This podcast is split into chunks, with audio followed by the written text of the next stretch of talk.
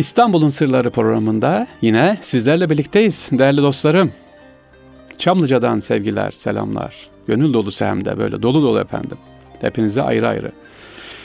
Neden? Sağ olun bizi dinliyorsunuz. O kadar teşekkür ediyorum ki size sağ olun dinliyorsunuz. Neden teşekkür ediyorum biliyor musunuz? Çünkü İstanbul'a sahip çıkıyorsunuz efendim. Özellikle hanımefendiler, beyefendiler, gençlerimiz sağ olun. Mailleriniz o kadar çok ama her birinize teker teker cevap veriyorum merak etmeyin. Aa çok mail deyip de yok öyle ben e, şey yapmıyorum efendim kapris yapmıyorum. Her maile teker teker cevap veriyorum. Aynı soruları defalarca sorsanız da önemli değil. Neden? Çünkü İstanbul'a sahip çıkıyorsunuz. Teşekkür ederim. Bunun için. Bu programımızın da zaten bir amacı bu. İstanbul'a sahip çıkan gençler, gelecek nesli yetiştirebilmek efendim. Evet dostlarım İstanbul'da neler var, ne gizliler var, ne efendim kendisi ıı, unutulmuş ama hizmeti hala bugün konuşulan kimseler var. Onlardan bahsedeceğim. Bugün özellikle un kapanından Eyüp Sultan'a doğru giderken Kadir Has Üniversitesi var. Eski tütün fabrikası. Onun orada bir türbe görürsünüz. Bir de cami görürsünüz. Ben o hikayeyi anlatmak istiyorum size. Oradan başlayalım. Nallıncı Mimi Dede'yi anlatacağım efendim. Nallıncı Mimi Dede. Melami yolu büyüklerindendir kendisi Mimi Dede. 16. yüzyılda yani 1592'de vefat ediyor kendisi. Türbesi Unkabanı'ndaki bugünkü Cibali dediğimiz yerdedir. Üsküplü Caddesi üzerinde Haratçı Kara Mehmet Cami karşısında. Nalıncı yani ayakkabıcı efendim. Nalın yapardı Mimi'de de. Fakirdi, mütevazi bir hayatı vardı ama nasıldı bu zat derseniz cenaze namazını bizzat padişah kıldır efendim. Kim? Üçüncü Murat. Allah Allah. Neden? Nalıncı Mimi'de de ne yapmış da padişah Üçüncü Murat kalkıp geliyor efendim namazını kılıyor. Peki Nalıncı Mimi dedik ya yukarıda ilk başlarken melamiydi efendim. Kendisi cenaze kal geliyor ortada kalıyor. Evet Nalıncı Mimi dedenin cenazesi vefat ettikten sonra ortada kalıyor. Hanımına gidiyor soruyor tabii bu neden bu cenaze kim diyor. Üçüncü Murat. Diyeceksin hocam hikaye nedir? Nereden üçüncü Murat öğrenmiş? E, tabii ki rüyasında.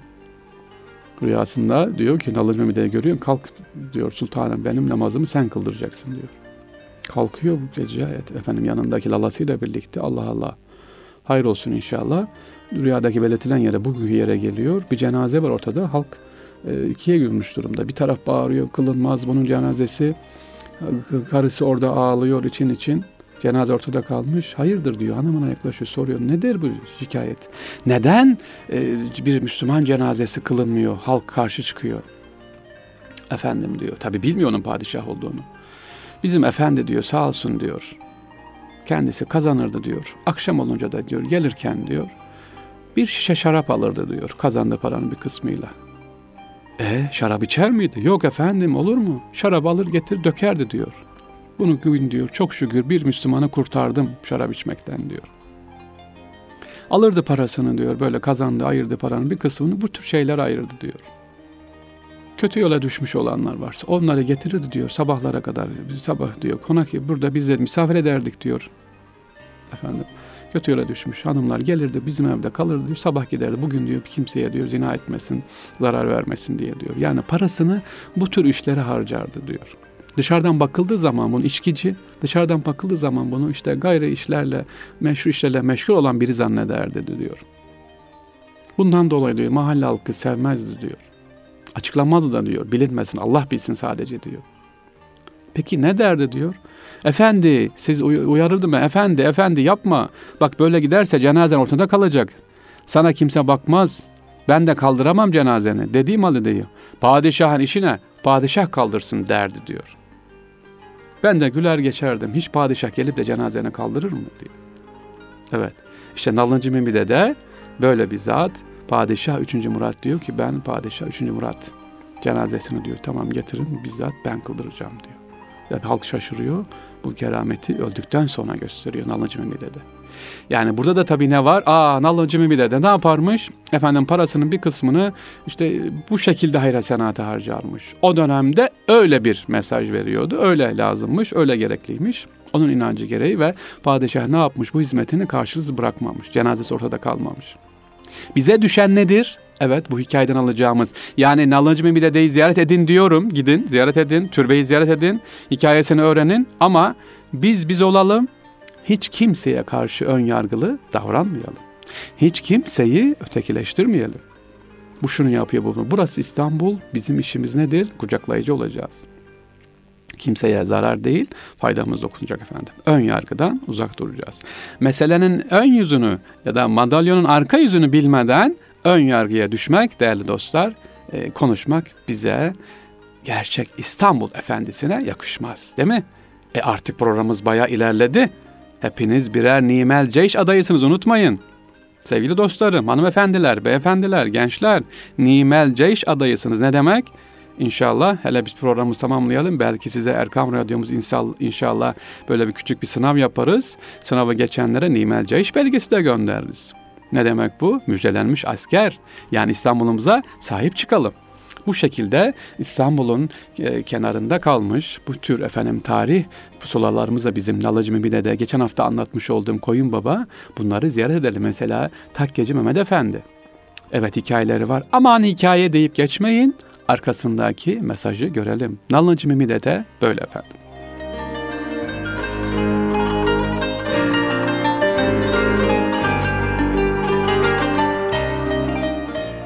Geçiyoruz Nalıncı Mehmet'e efendim yukarıya doğru. Yine orada e, un kapanı demiştim. Hazır yeri gelmişken un kapanı ve bal kapanı var. Tütün fabrikasının oradayız. Şimdi Kadir Has Üniversitesi'nin olduğu yer. Oralar değerli dostlarım kapan. Kapan pazar demek o dönemde un kapan, un pazarının olduğu yer. Yani kapan dediğimiz pazar derken e, kantarın olduğu yer, tartılan yer. İstanbul'a unların giriş yeri merkezi orasıdır. Niye hocam orası? Hemen arkası da bugünkü tütün fabrikasının olduğu yerde bal kapanıdır. Yani balın geldiği yer, tartıldığı yer.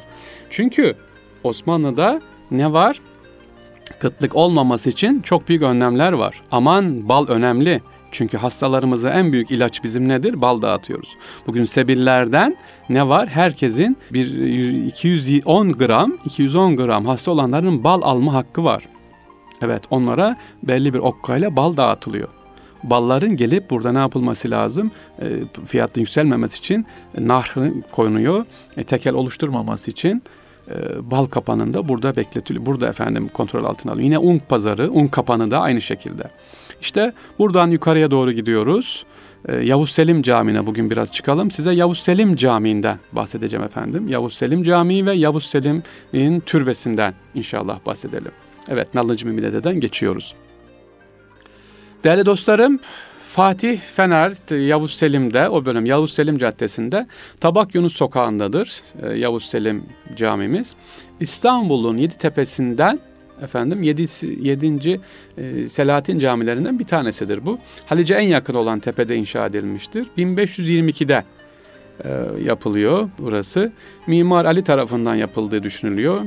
E, Mimar Sinan değil çünkü Mimar Sinan 1522 yılında zaten e, daha o dönemde saray tarafından tanınmamaktaydı. Yavuz Han Selim'in emriyle başlıyor. Kanuni Sultan Süleyman yani oğlu tarafından da türbe ve imaret ekleniyor efendim. Caminin bir yanı sarnıç, bir yanı e, 40 merdiven denilen bir uçurum aşağısı ve e, şu anda da Çukurbostan dediğimiz yerdir. Çukurbostan dediğim hatta orada da küçük yine bir cami vardır. Üç kapılı bir avluyla girilir. Türbe kapısı, çarşı kapısı ve 40 merdiven kapısı vardır e, ağaçlı, genişli, bahçeli avlu ve şadırvanı vardır efendim.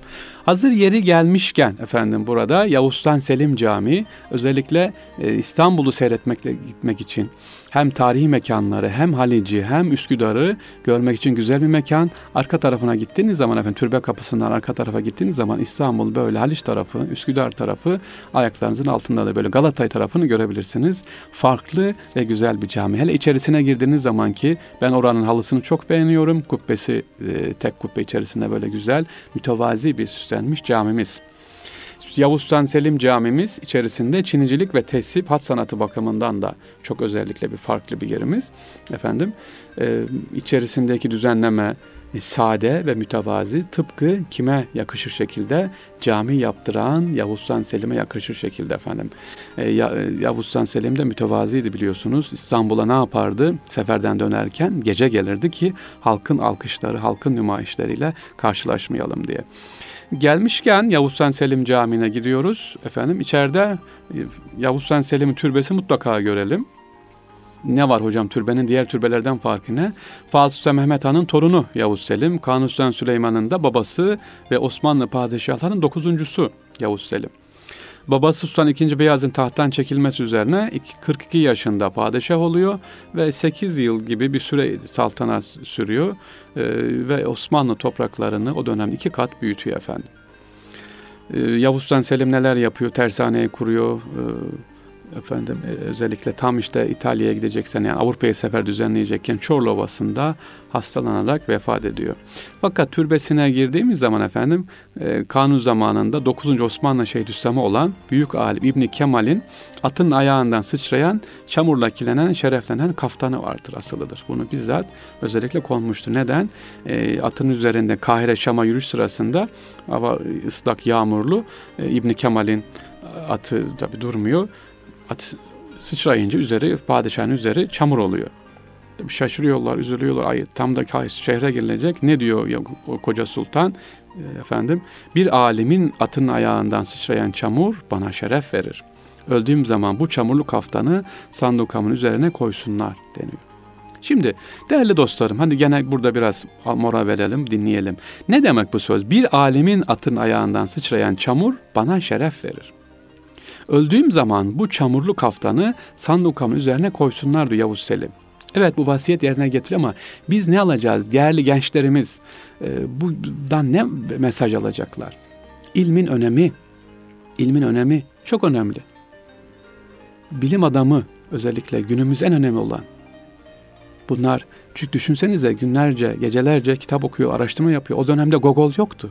Şimdi Google'a yazıyorsunuz çıkıyor. Kime soracaksınız? Kütüphane her yerde kütüphane yoktu. İlim adamlarımız vardı. Her mahallede gerçek bilgili insanlar vardı. Ona gidip soruyorsunuz. Şimdi ne kadar kolay. Bir şey arayacaksınız. Pat Google'a gir. Pat işte bilmem Yandex'e gir sor. E o zaman yoktu. E, bu bilim adamlarımız bizim için çok önemli. Gençlerimize, hocalara, öğretmenlere saygıda kusur etmemelerini rica ediyorum efendim. Çünkü kendileri de aynı şekilde bilgiye siz ne kadar önem verirseniz, bilgiye ne kadar nezaketle davranırsanız bilgi sizden çıkmaz. Değerli dostlar, eğer bilgiye saygısızlık yaparsanız evet öğrenirsiniz, alırsınız ama inanın kibritten daha çabuk unutur gidersiniz. Aa güzel Google'dan baktım buldum oh yazdım bitti. E yok. Ne kadar kolay. Evet güzel bir nimet. Teşekkür edelim, şükran edelim. Bilgi kolay ulaşıyor biliyoruz ama o bilginin oraya ulaşmasını emeğe geçenlere de e, efendim unutmayalım. Evet Yavuz Selim dedik. Yavuz Sultan Selim Han Türbesi dedik. Ee, geçiyoruz şimdi efendim. Başka bir yerimize geçelim. Türbeden köprüyü anlatalım artık biraz da. Köprüyü anlatalım. Yavuz Selim Türbeden geçiyoruz. Galata Köprüsü'ne gidiyoruz efendim. Size Galata Köprüsü'nden bahsedelim biraz.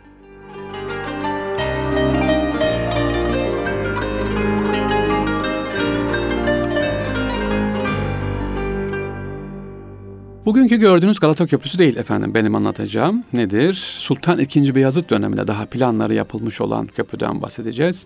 Evet Sultan II. Beyazıt yani Fatih'in oğlu e, Yavuz'un da babası 2. Beyazıt te o zamandan planlıyor. Bugünkü Eminönü'nden Karaköy'e bir köprü yapılmasını planlıyor. Hatta Leonardo da Vinci bir tasarım yapmasını istiyor, yapılıyor. Padişaha bir 200 metre uzunluğunda 24 metre genişliğinde bir köprü tasarımı sunuyor. Ancak e, padişahın onayını alamayınca kalıyor proje, bekletiliyor. Daha sonra Mich, Michelangelo e, bir teklif götürülüyor. Fakat e, Michelangelo bu teklifi kabul etmiyor. İkinci bir teklif e, köprü yapılsın diye daha bin, 1512'lerde. Bundan sonra e, Haliç'e yani altın boynuza bir köprü yapma düşüncesi hep oluyor ama e, bir türlü engeller var gerçekleştirmiyor ki ta ki Sultan II. Mahmut dönemine kadar. Evet 1512'den 1839 yılların Sultan II. Mahmut dönemine kadar o yıllarda Azap Kapı Um Kapan arasına uzun bir köprü yaptırılıyor. Şimdiki Atatürk Köprüsü'nün olduğu yerde Hayratiye ya da Cisri Atik Eski köprü olarak bilinen bu köprü 3 Eylül 1836'da açılıyor efendim. Bizim ilk e, modern Galata Köprümüz 1845 yılında Sultan Abdülmecit zamanında annesi Bezmi Alem Valide Sultan tarafından yaptırılıyor ve 18 yıl kullanılıyor. Birinci Galata Köprümüz Bismillah başlıyor. Şimdiki köprü değil. İlk köprümüz Bezmi Alem tarafından e, Abdülmecit'in annesi yaptırıyor. 18 yıl kullanılıyor. Sonra e, bu ahşap köprüye Cissi Cedid ya da Valide Köprüsü, yeni köprü deniyor efendim. Sultan Abdülaziz'in emriyle 3. Napolyon'un İstanbul ziyaretinden hemen önce Ethem Pertev Paşa tarafından inşa ediliyor efendim. 1863'te yapılıyor. İkinci Galata Köprümüz. Ee, bu proje yapıldıktan sonra özellikle 1875'te e, tamamlanıyor. 480 metre uzunluğunda 10 metre genişliğinde bu köprümüz. 24 duba üzerinde idi Galata Köprüsü. Bu köprümüz işte 1912 yılına kadar kullanılıyor. Birincisini kaldırdık, ikincisinde 1912 yılına kadar kullanmışız efendim. Sonra ne yapıyoruz?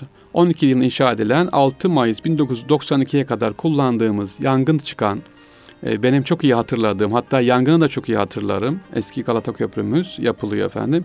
1912 yılından 16 Mayıs 1992'ye kadar bu köprüyü kullanmışız. Galata Köprüsü'nü. Yangını dediğim gibi iyi hatırlıyorum. Köprümüz tarihi köprüydü. Dubalar üzerindeydi. E, köprü kaldırıldı. Yanan köprü onarıldıktan sonra bugün Balat Hasköy arasına yerleştiriliyor. Bir müddet kullanıldı ama e, değerli dostlar neden Galata Köprüsü kaldırıldı ya da şu anda neden kullanılmıyor? Dikkat ederseniz az önce bir cümle söyledim. Dedim ki 24 duba üzerine kullanılmış. Dubaların üzerindeydi köprü. Yani beton atılmış şimdiki gibi açık değil. E ne demek hocam bu? Yani Halic'in akıntısına müsaade etmiyordu. Haliç tıkanıyordu.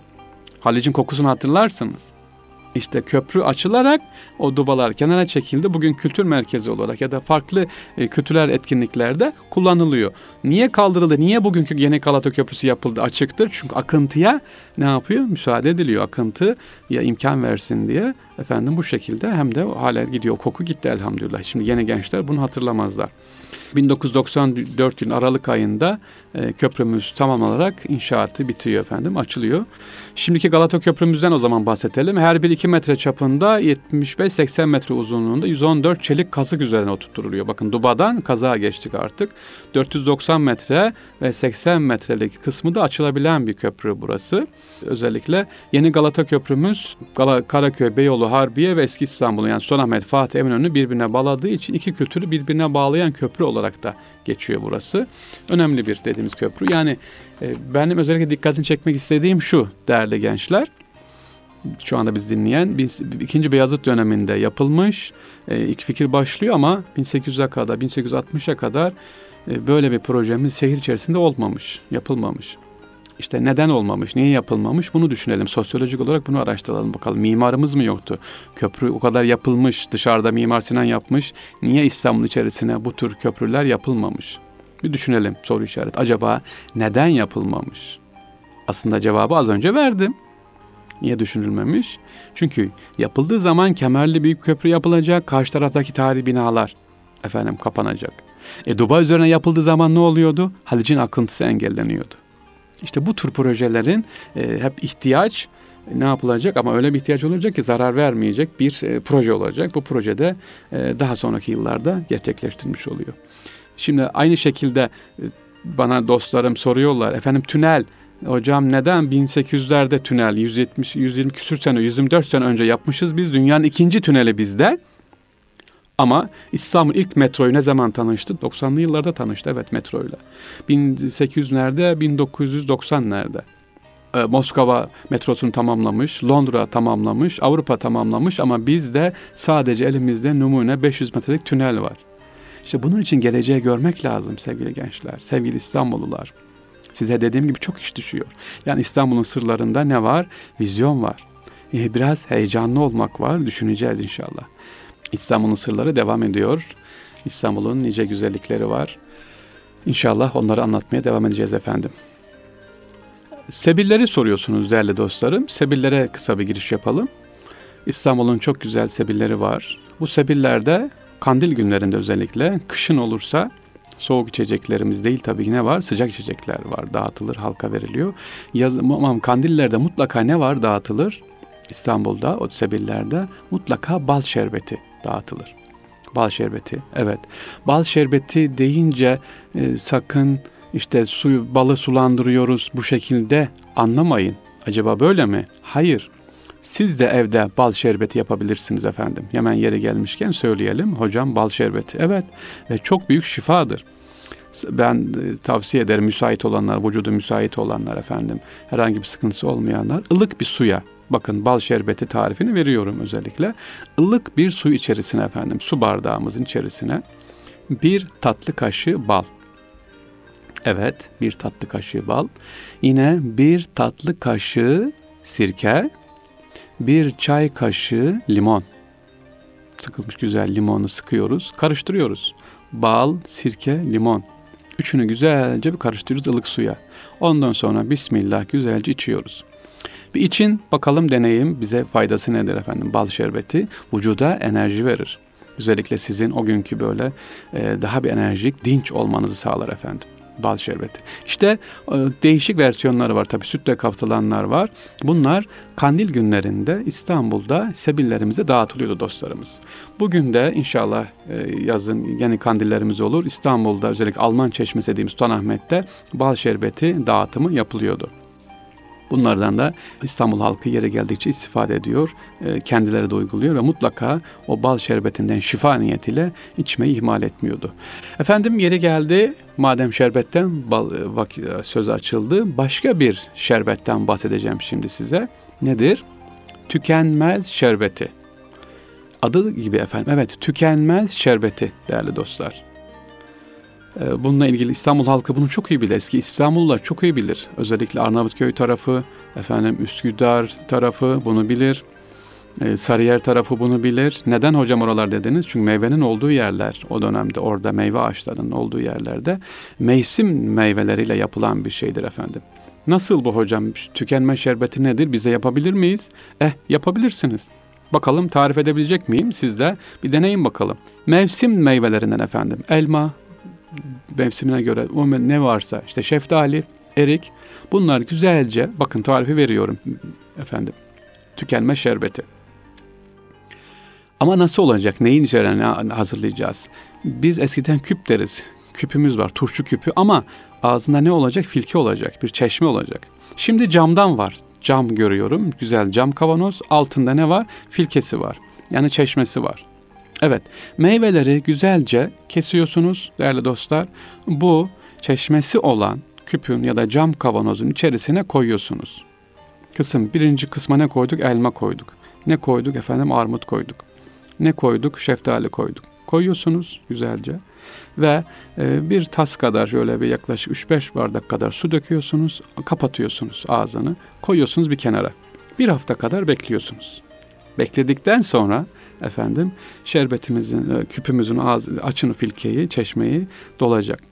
Oradan rahat rahat güzel Bismillah deyip için. E içtiğiniz kadar diyelim ki bir bardak içtim, üç bardak içtim, meyve suyu aldım değil mi? Hemen ne yapıyorsunuz? Gidip e, temiz sudan üstüne tekrar su döküyorsunuz o küpünüz üzerine.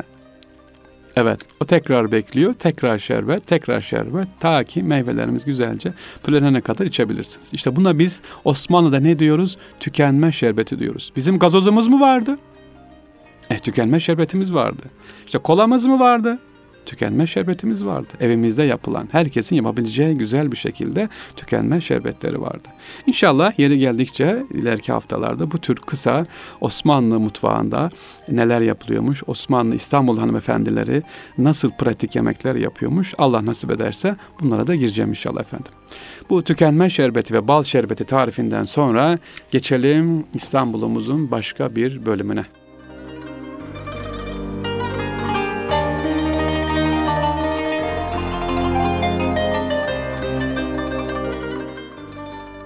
Arada bir nefesleniyorum dostlar. Suyumuz yanımızda. İçiyorum. Müsaade edin e, bana. Efendim şimdi geldik Fatih'teyiz. Fatih'in Ahmediye Caddesi'ndeyiz efendim. Vatan Caddesi'nin üst tarafında şimdi Historia denilen yerin eski İskender Paşa Pazarı'nın olduğu yerde bir cami var. Ahmediye Cami diye onu anlatacağım. Burası çok önemli. İstanbul'un önemli merkezlerinden bir yani dönemin şöyle söyleyeyim Ahmediye Camii ve Ahmediye Caddesi şimdiki Ankara'daki Genelkurmay Başkanlığı yani nasıl işte nereye bakılır bugün e, sizden işte Ankara'dakiler genelkurmay ışıkları yanıyor mu derler ya işte o dönemde padişahların gözü kulağı nerededir?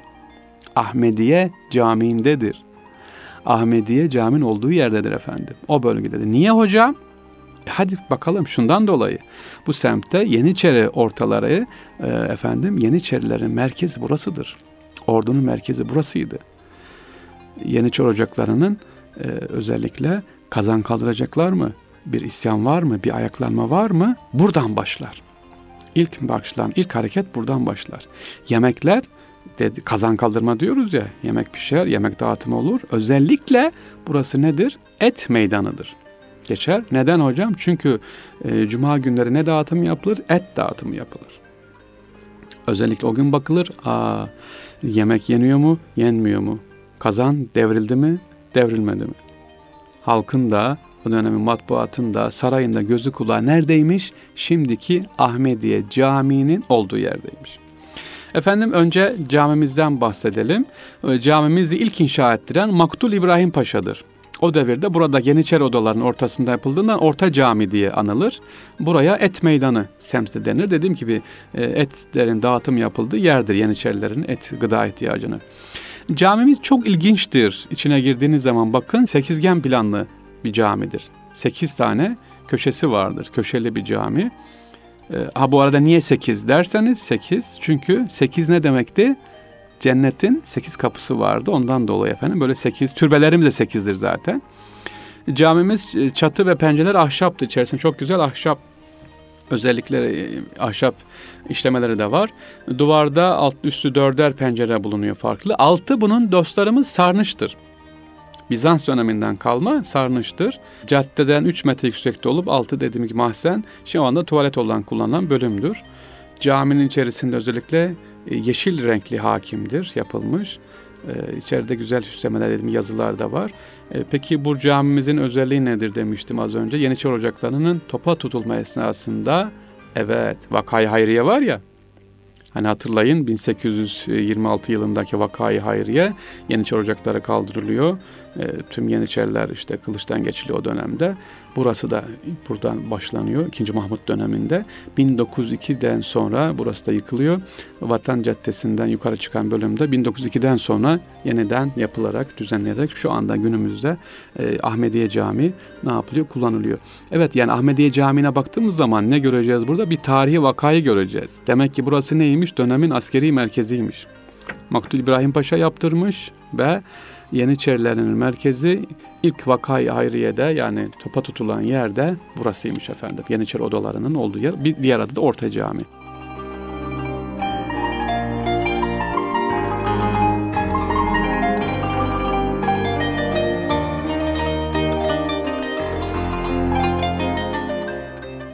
Evet Ahmediye Camii'den sonra geçiyoruz efendim.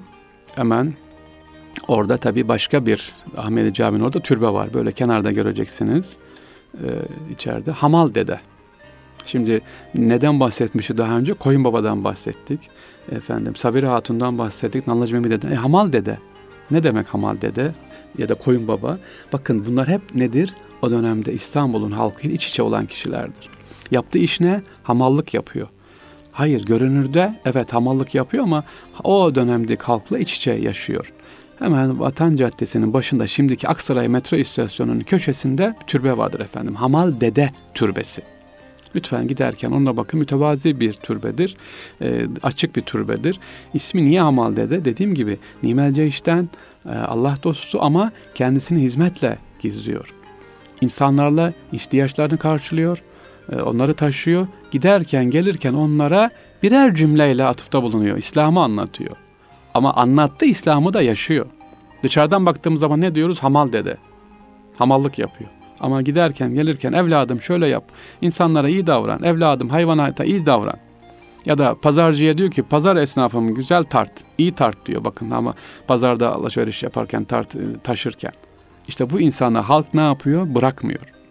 Mezarında ne yapmış? Şehrin tam ortasında Hamal Dede diye koymuşuz. İnsana yaptığı hizmeti kalıyor değerli dostlar, değerli gençler. Ee, çarşı dedik, aklımıza geldi hemen çarşı. Mısır çarşısına şöyle bir geçelim efendim. Kum kapanına geri döndük. Galata Kulesi'ne, Galata Köprüsü'nü anlattık ama oradan Ahmediye Camii'ne geçtik. Şimdi çarşımıza bir girelim. Mısır Çarşısı. Mısır çarşımız özellikle Valide Turhan Sultan 1664'te efendim inşa ediliyor. Mimar Hassabaşı, Mimar Mustafa A. Mısır çarşımız. Çarşının bulunduğu yerde Bizans zamanında özellikle Makro Envalos isimli bir çarşı bulunduğu da rivayet ediliyor burada.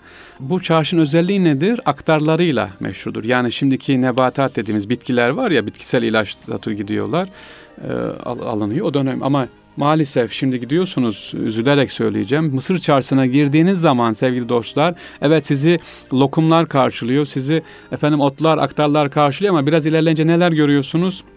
İçeride üzülerek dediğim buydu zaten. Hemen hemen neredeyse caminin şey Mısır çarşısının üçte biri kuyumcularla efendim altın gümüşle kaplanıyor. Ama Mısır çarşısının özelliği o değildi. Baharatçılar çarşısıydı. Özellikle Mısır'dan gelen değil mi? Çarşının ismi, e, ürünler, oradaki ürünlerin satılan ürünler buradan da ama şimdi tabii kiralar yükseldi. İçindeki esnaflar da yavaş yavaş değişime gidiyor diyor. Yoksa e, içerideki esas yapılış gayesi neydi bunun? Yeni camiyi desteklemek, oradaki e, diğer e, hayır hayata destek vermek için Mısır çarşısı yapılmıştı. E, Mısır çarşısının içerisinde çeşitli kapılarımız var özellikle çok önemli dükkanlar, iki bölümden oluşuyor. Bir alt kat, üst kat. Dükkanların ön bölümünde ahşap peyke halinde satış yapmaya müsait e, yerler var. Arka tarafında da bir odalar var. Geceleri ahşap kepenkleri kapatılan dükkanın önünde ahşap süslemeler var. Yani koruması da müsait güzel. Kepenk de şimdiki gibi değil efendim. Kepenk indirili veriliyor tamam. Çarşı ilk yapıldığında aktarlar ve pamukçulara tahsis ediliyor burası. Dördü büyük, ikisi küçük, altı kapısından giriliyor. Balık pazarı, hasırcılar, ketenciler kapıları, yeni cami, haseki ve çiçek pazarı kapıları var. Ee, bu iki dükkana ayrılmış. Pamukçular ve neye ayrılmış? Aktarcılara. Ee, özellikle burada dediğim gibi ne var? Ee, şu anda görürsünüz tohumlar satılıyor. Bitki tohumları, çiçek tohumları, balıklar var. Çeşitli işte efendim e, hatta şey de satıyorlar Kedi de görüyorum, kedi köpek evde e, evcil hayvan da sattıklarını görüyorum. Var satılıyor kenarlarında dışarıda. Ama o dönemde yapılış amacı neydi? Halk burada aradığını buluyordu efendim. Mısır çarşısında. Girdiği zaman ne lazımsa buluyor. Yani bir dönemin eczanesiydi. Açık ne lazımsa gidiyorsunuz oradan alıyorsunuz. Kendileri tarif ediyorlar. Ona göre buluyorsunuz. Özellikle baharatlar konusunda çok önemliydi. Çünkü yemek yapımında baharat çok önemli. Mısır çarşısının böyle bir özelliği vardı. Mısır çarşısı adı üzerinde kapalı çarşıdır dostlarım. Evet, özellikle altını çiziyorum. Mısır çarşısı kapalıdır. E, e bir de bunun açığı var. Açığı var mı? Nerede? Açık çarşı da var. Buna ne diyoruz biz? Üstü açık olan çarşıya ne diyoruz? Arasta diyoruz. Evet. Hocam nerede bu Arasta? E Arasta adı üzerinde Arasta Çarşısı Sultanahmet Camii'nin altındadır. Hemen yan tarafında Arasta Çarşısı, Arasta Pazar diye geçer hatta. Özelliği neymiş? Efendim padişahın denizden geldiği taraf girdiği tarafta oradan girildi alt tarafında dükkanlar karşılıklıdır. Üstü açıktır. Karşılıklı. Üstü tenteyle kapanır. Şimdi açık zaten. Yani karşılıklı dükkanlar birbirini görürler. Şimdi halıcılar var orada. Arasta Pazar diye geçiyor. Yine maalesef nereden reklam oldu ya da nereden moda çıktı bilmiyorum. Bir nargile modasıdır tuttu gidiyor. Alt tarafta da nargileciler var görüyorum Arasta Pazar'ın içerisinde. Nargile kokusu bizi karşılıyor bazen ziyarete gittiğimiz zaman. Evet e, Mısır çarşısı kapalı. Tıpkı kapalı çarşı gibi İstanbul'un Nur Osmaniye Cami, Beyazıt Cami oradan girdiğimiz kapalı çarşı, Mısır çarşısı kapalı ama İstanbul'da açık çarşı var mı? E var. Neresi? Arasta Pazar dediğimiz yer efendim. Orası da e, görülmeye değer bir yer, güzel bir yer, güzel bir mekan. Şimdi gitmenizi tavsiye ederim halı güzel halı eserleri var. Çin'i eserlerimiz var orada görebilirsiniz. Ve hatta Arasya Pazarı'na girerken Sultanahmet Camii'ne giriyorsunuz o kapıdan içeri girerken sizi bir zincir karşılar böyle çapraz aşağı indirilmiş bir zincir karşılar. Zincirden geçmek için boynunuzu böyle aşağı doğru eğeceksiniz. Niye? E çünkü padişah oradan geliyor mütevazi bir şekilde attan iner boynunu eğerek içeri geçer. Babası şey, 4. Murat'ın babası Sonahmet yaptırmıştır o camiyi. Sonahmet Camii hem girişte caminin deniz tarafından girişte hem de Sonahmet Türbesi tarafından girişte bu zincirler vardır. Bugün bile durur. Mütevazi bir şekilde camiye padişah da olsan ibadethaneye giriyorsun. Allah'la buluşmaya giriyorsun. Orada e, ne vardır? Hep mütevazilik olacaktır. Onun için camilerimizde ne vardır değerli dostlar? Vav işaretini sık görürsünüz. Vav. Arap camiinde vardır. Yani mütevaziliği sem, temsil eder, simgeler. Evet, e, Aras'ta dedik, Mısır Çarşısı dedik, aklıma geldi. Onu da anlatmış olalım efendim. E, değerli dostlarım, Sultanahmet Camii'ne geldikten sonra madem öyle bir soru var. Hemen yeri geldi. Aslında haftaya bırakacaktım ama şimdi söyleyelim. Sultanahmet Camii'nin içerisine giriyorsunuz. Kıble tarafına. Bunu daha önce hatırlatmıştım ama yeri geldi. Şimdi tekrar söyleyeyim. Kıble tarafında sarımsı kahverengi bir mermer vardır. Yani mihrabı karşınıza alın, mihraptan şöyle sola dönün. Üç adım atın, karşı duvarda bir mermer göreceksin. Hocam bu mermerin özelliği ne? Niye burada duruyor? Diyorsunuz. Efendim, bu mermerin özelliği, burası aslında boştur. İçerisi boştur. İçerisinde Mısır'dan getirilen Resul Aleyhisselatü Vesselam'ın ayak izi vardı. Ama Sultanahmet bunu getirince tabi razı olmadı. O türbedeki türbe boş kaldı. Manen rüyada uyarıldı ve orası orada sergileniyordu. Sergilendi. Evet o ayak izi buraya geldi. Sultanahmet Camii yeni yapılınca orada sergilendi mi müddet. Ama razı olmayınca, manen müsaade çıkmayınca ayak izi tekrar e, Balmum'undan kopyası alınarak Mısır'a gönderildi. E orası boş kaldı. Orası da bu mermerle kapatıldı. E, derler ki rivayette geçer. Bu mermer özelliği nedir? Bu da Hırkay-ı Şerif'in e, sahibi olan Resulullah Aleyhisselatü Vesselam hediye ettiği Veysel Karani'nin üzerine oturup da yemek yediği mermerdir. Bu da Yemen'den gelmiştir. O şekilde kapatılmıştır. Öyle Sultanahmet Camii'nde efendim görebiliriz onu. Gittiğiniz zaman ziyaret edersiniz. Tabii ki Sultanahmet Camii'nin Çinileri ayrı. E, şimdi oraya girmeyeceğim. Başka bir zaman inşallah anlatırız. Evet yavaş yavaş programımızın sonuna geliyoruz değerli dostlar. Aslında var önümüze neler neler var inşallah anlatacak. İnşallah bugün son bir konum var onu da anlatayım programımızı bitirelim. Bu Bozdoğan kemerini bir anlatmak istiyordum ne zamandır. Bozdoğan kemeri. Hocam ne demek? Ya da Valens su kemeri dediğimiz bir yer. Un kapanında bizim Hüdayi Vakfımızın Gazenfer Ağa Medresesi'nin olduğu yer. Hemen kafanızı kaldırdığın zaman yukarıda bir kemer geçer. Su kemeri. Çok eski e, ve harika güzel bir kemer. Dördüncü yüzyılın sonunda tamamlanıyor burası. Osmanlı sultanları tarafından da sık sık restore ediliyor. Bakımı tamamlanıyor. Çünkü e, değerli dostlar bu kemer var ya Bozdoğan kemer 1955 yılına kadar kullanılıyor. Üzerinden su akıyordu. Su geçiyordu. Şimdi bakmayın kullanılmıyor. Topkapı Sarayı'na su gidiyordu buradan.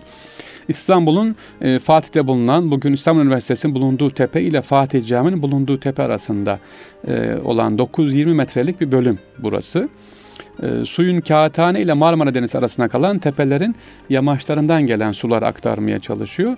E, aktarıyor burası. İlk defa dedim 378 yılında başlıyor ve e, su kemerin 4. yüzyılda yani 337 yılında 378 yılında pardon tamamlanıyor su kemerimiz. Fatih Sultan Mehmet Han buraya çok önem veriyor. Topkapı Sarayı'na dediğim gibi su sağlıyor. Ana kemerimiz burasıdır. Yani İstanbul'un can damarı burası. Düşünün bugün altından arabalar geçiyor. Un kapanından gidiyoruz. Fatih'e doğru geçiyoruz efendim bu taraftan yeni kapıya gidiliyor ama o kemerin altından geçiyoruz. Bir can damarın olduğunu unutmayalım. Burası çok önemli. Depremde özellikle Şehzade cami yakında bulunan zarar görmesine rağmen tekrar tamirat yapıldı. İstanbul'un can damarı Kanuni Süleyman döneminde, 2. Mustafa döneminde 3. E, Ahmet döneminde tamiratlar yapılmıştır. Bunların yanında değerli dostlar su kemerleri de vardır. İnşallah e, su terazileri de vardır. Bir sonraki programımızda da inşallah su terazilerini alacağım ilginç bir şekilde. Buraya kaldığımız yerden inşallah devam ederiz. Efendim programımızın sonuna geldik. İstanbul'un sırları heyecanımız daim olsun inşallah. Sesimiz böyle hep sizlere ulaşsın. Lütfen sorularınızı unutmayın, gönderin. Ee, başka konularımız da var anlatacağız. Siz İstanbul deyimlerinde anlatacağız. Neymiş hocam nereye gönderelim? Sarrafoğlu Fahri gmail.com'a gönderebilirsiniz. Emeğe geçen tüm dostlarıma, yayında emeğe geçen arkadaşlarıma ayrı ayrı selamlar, sevgiler efendim. Allah'a ısmarladık.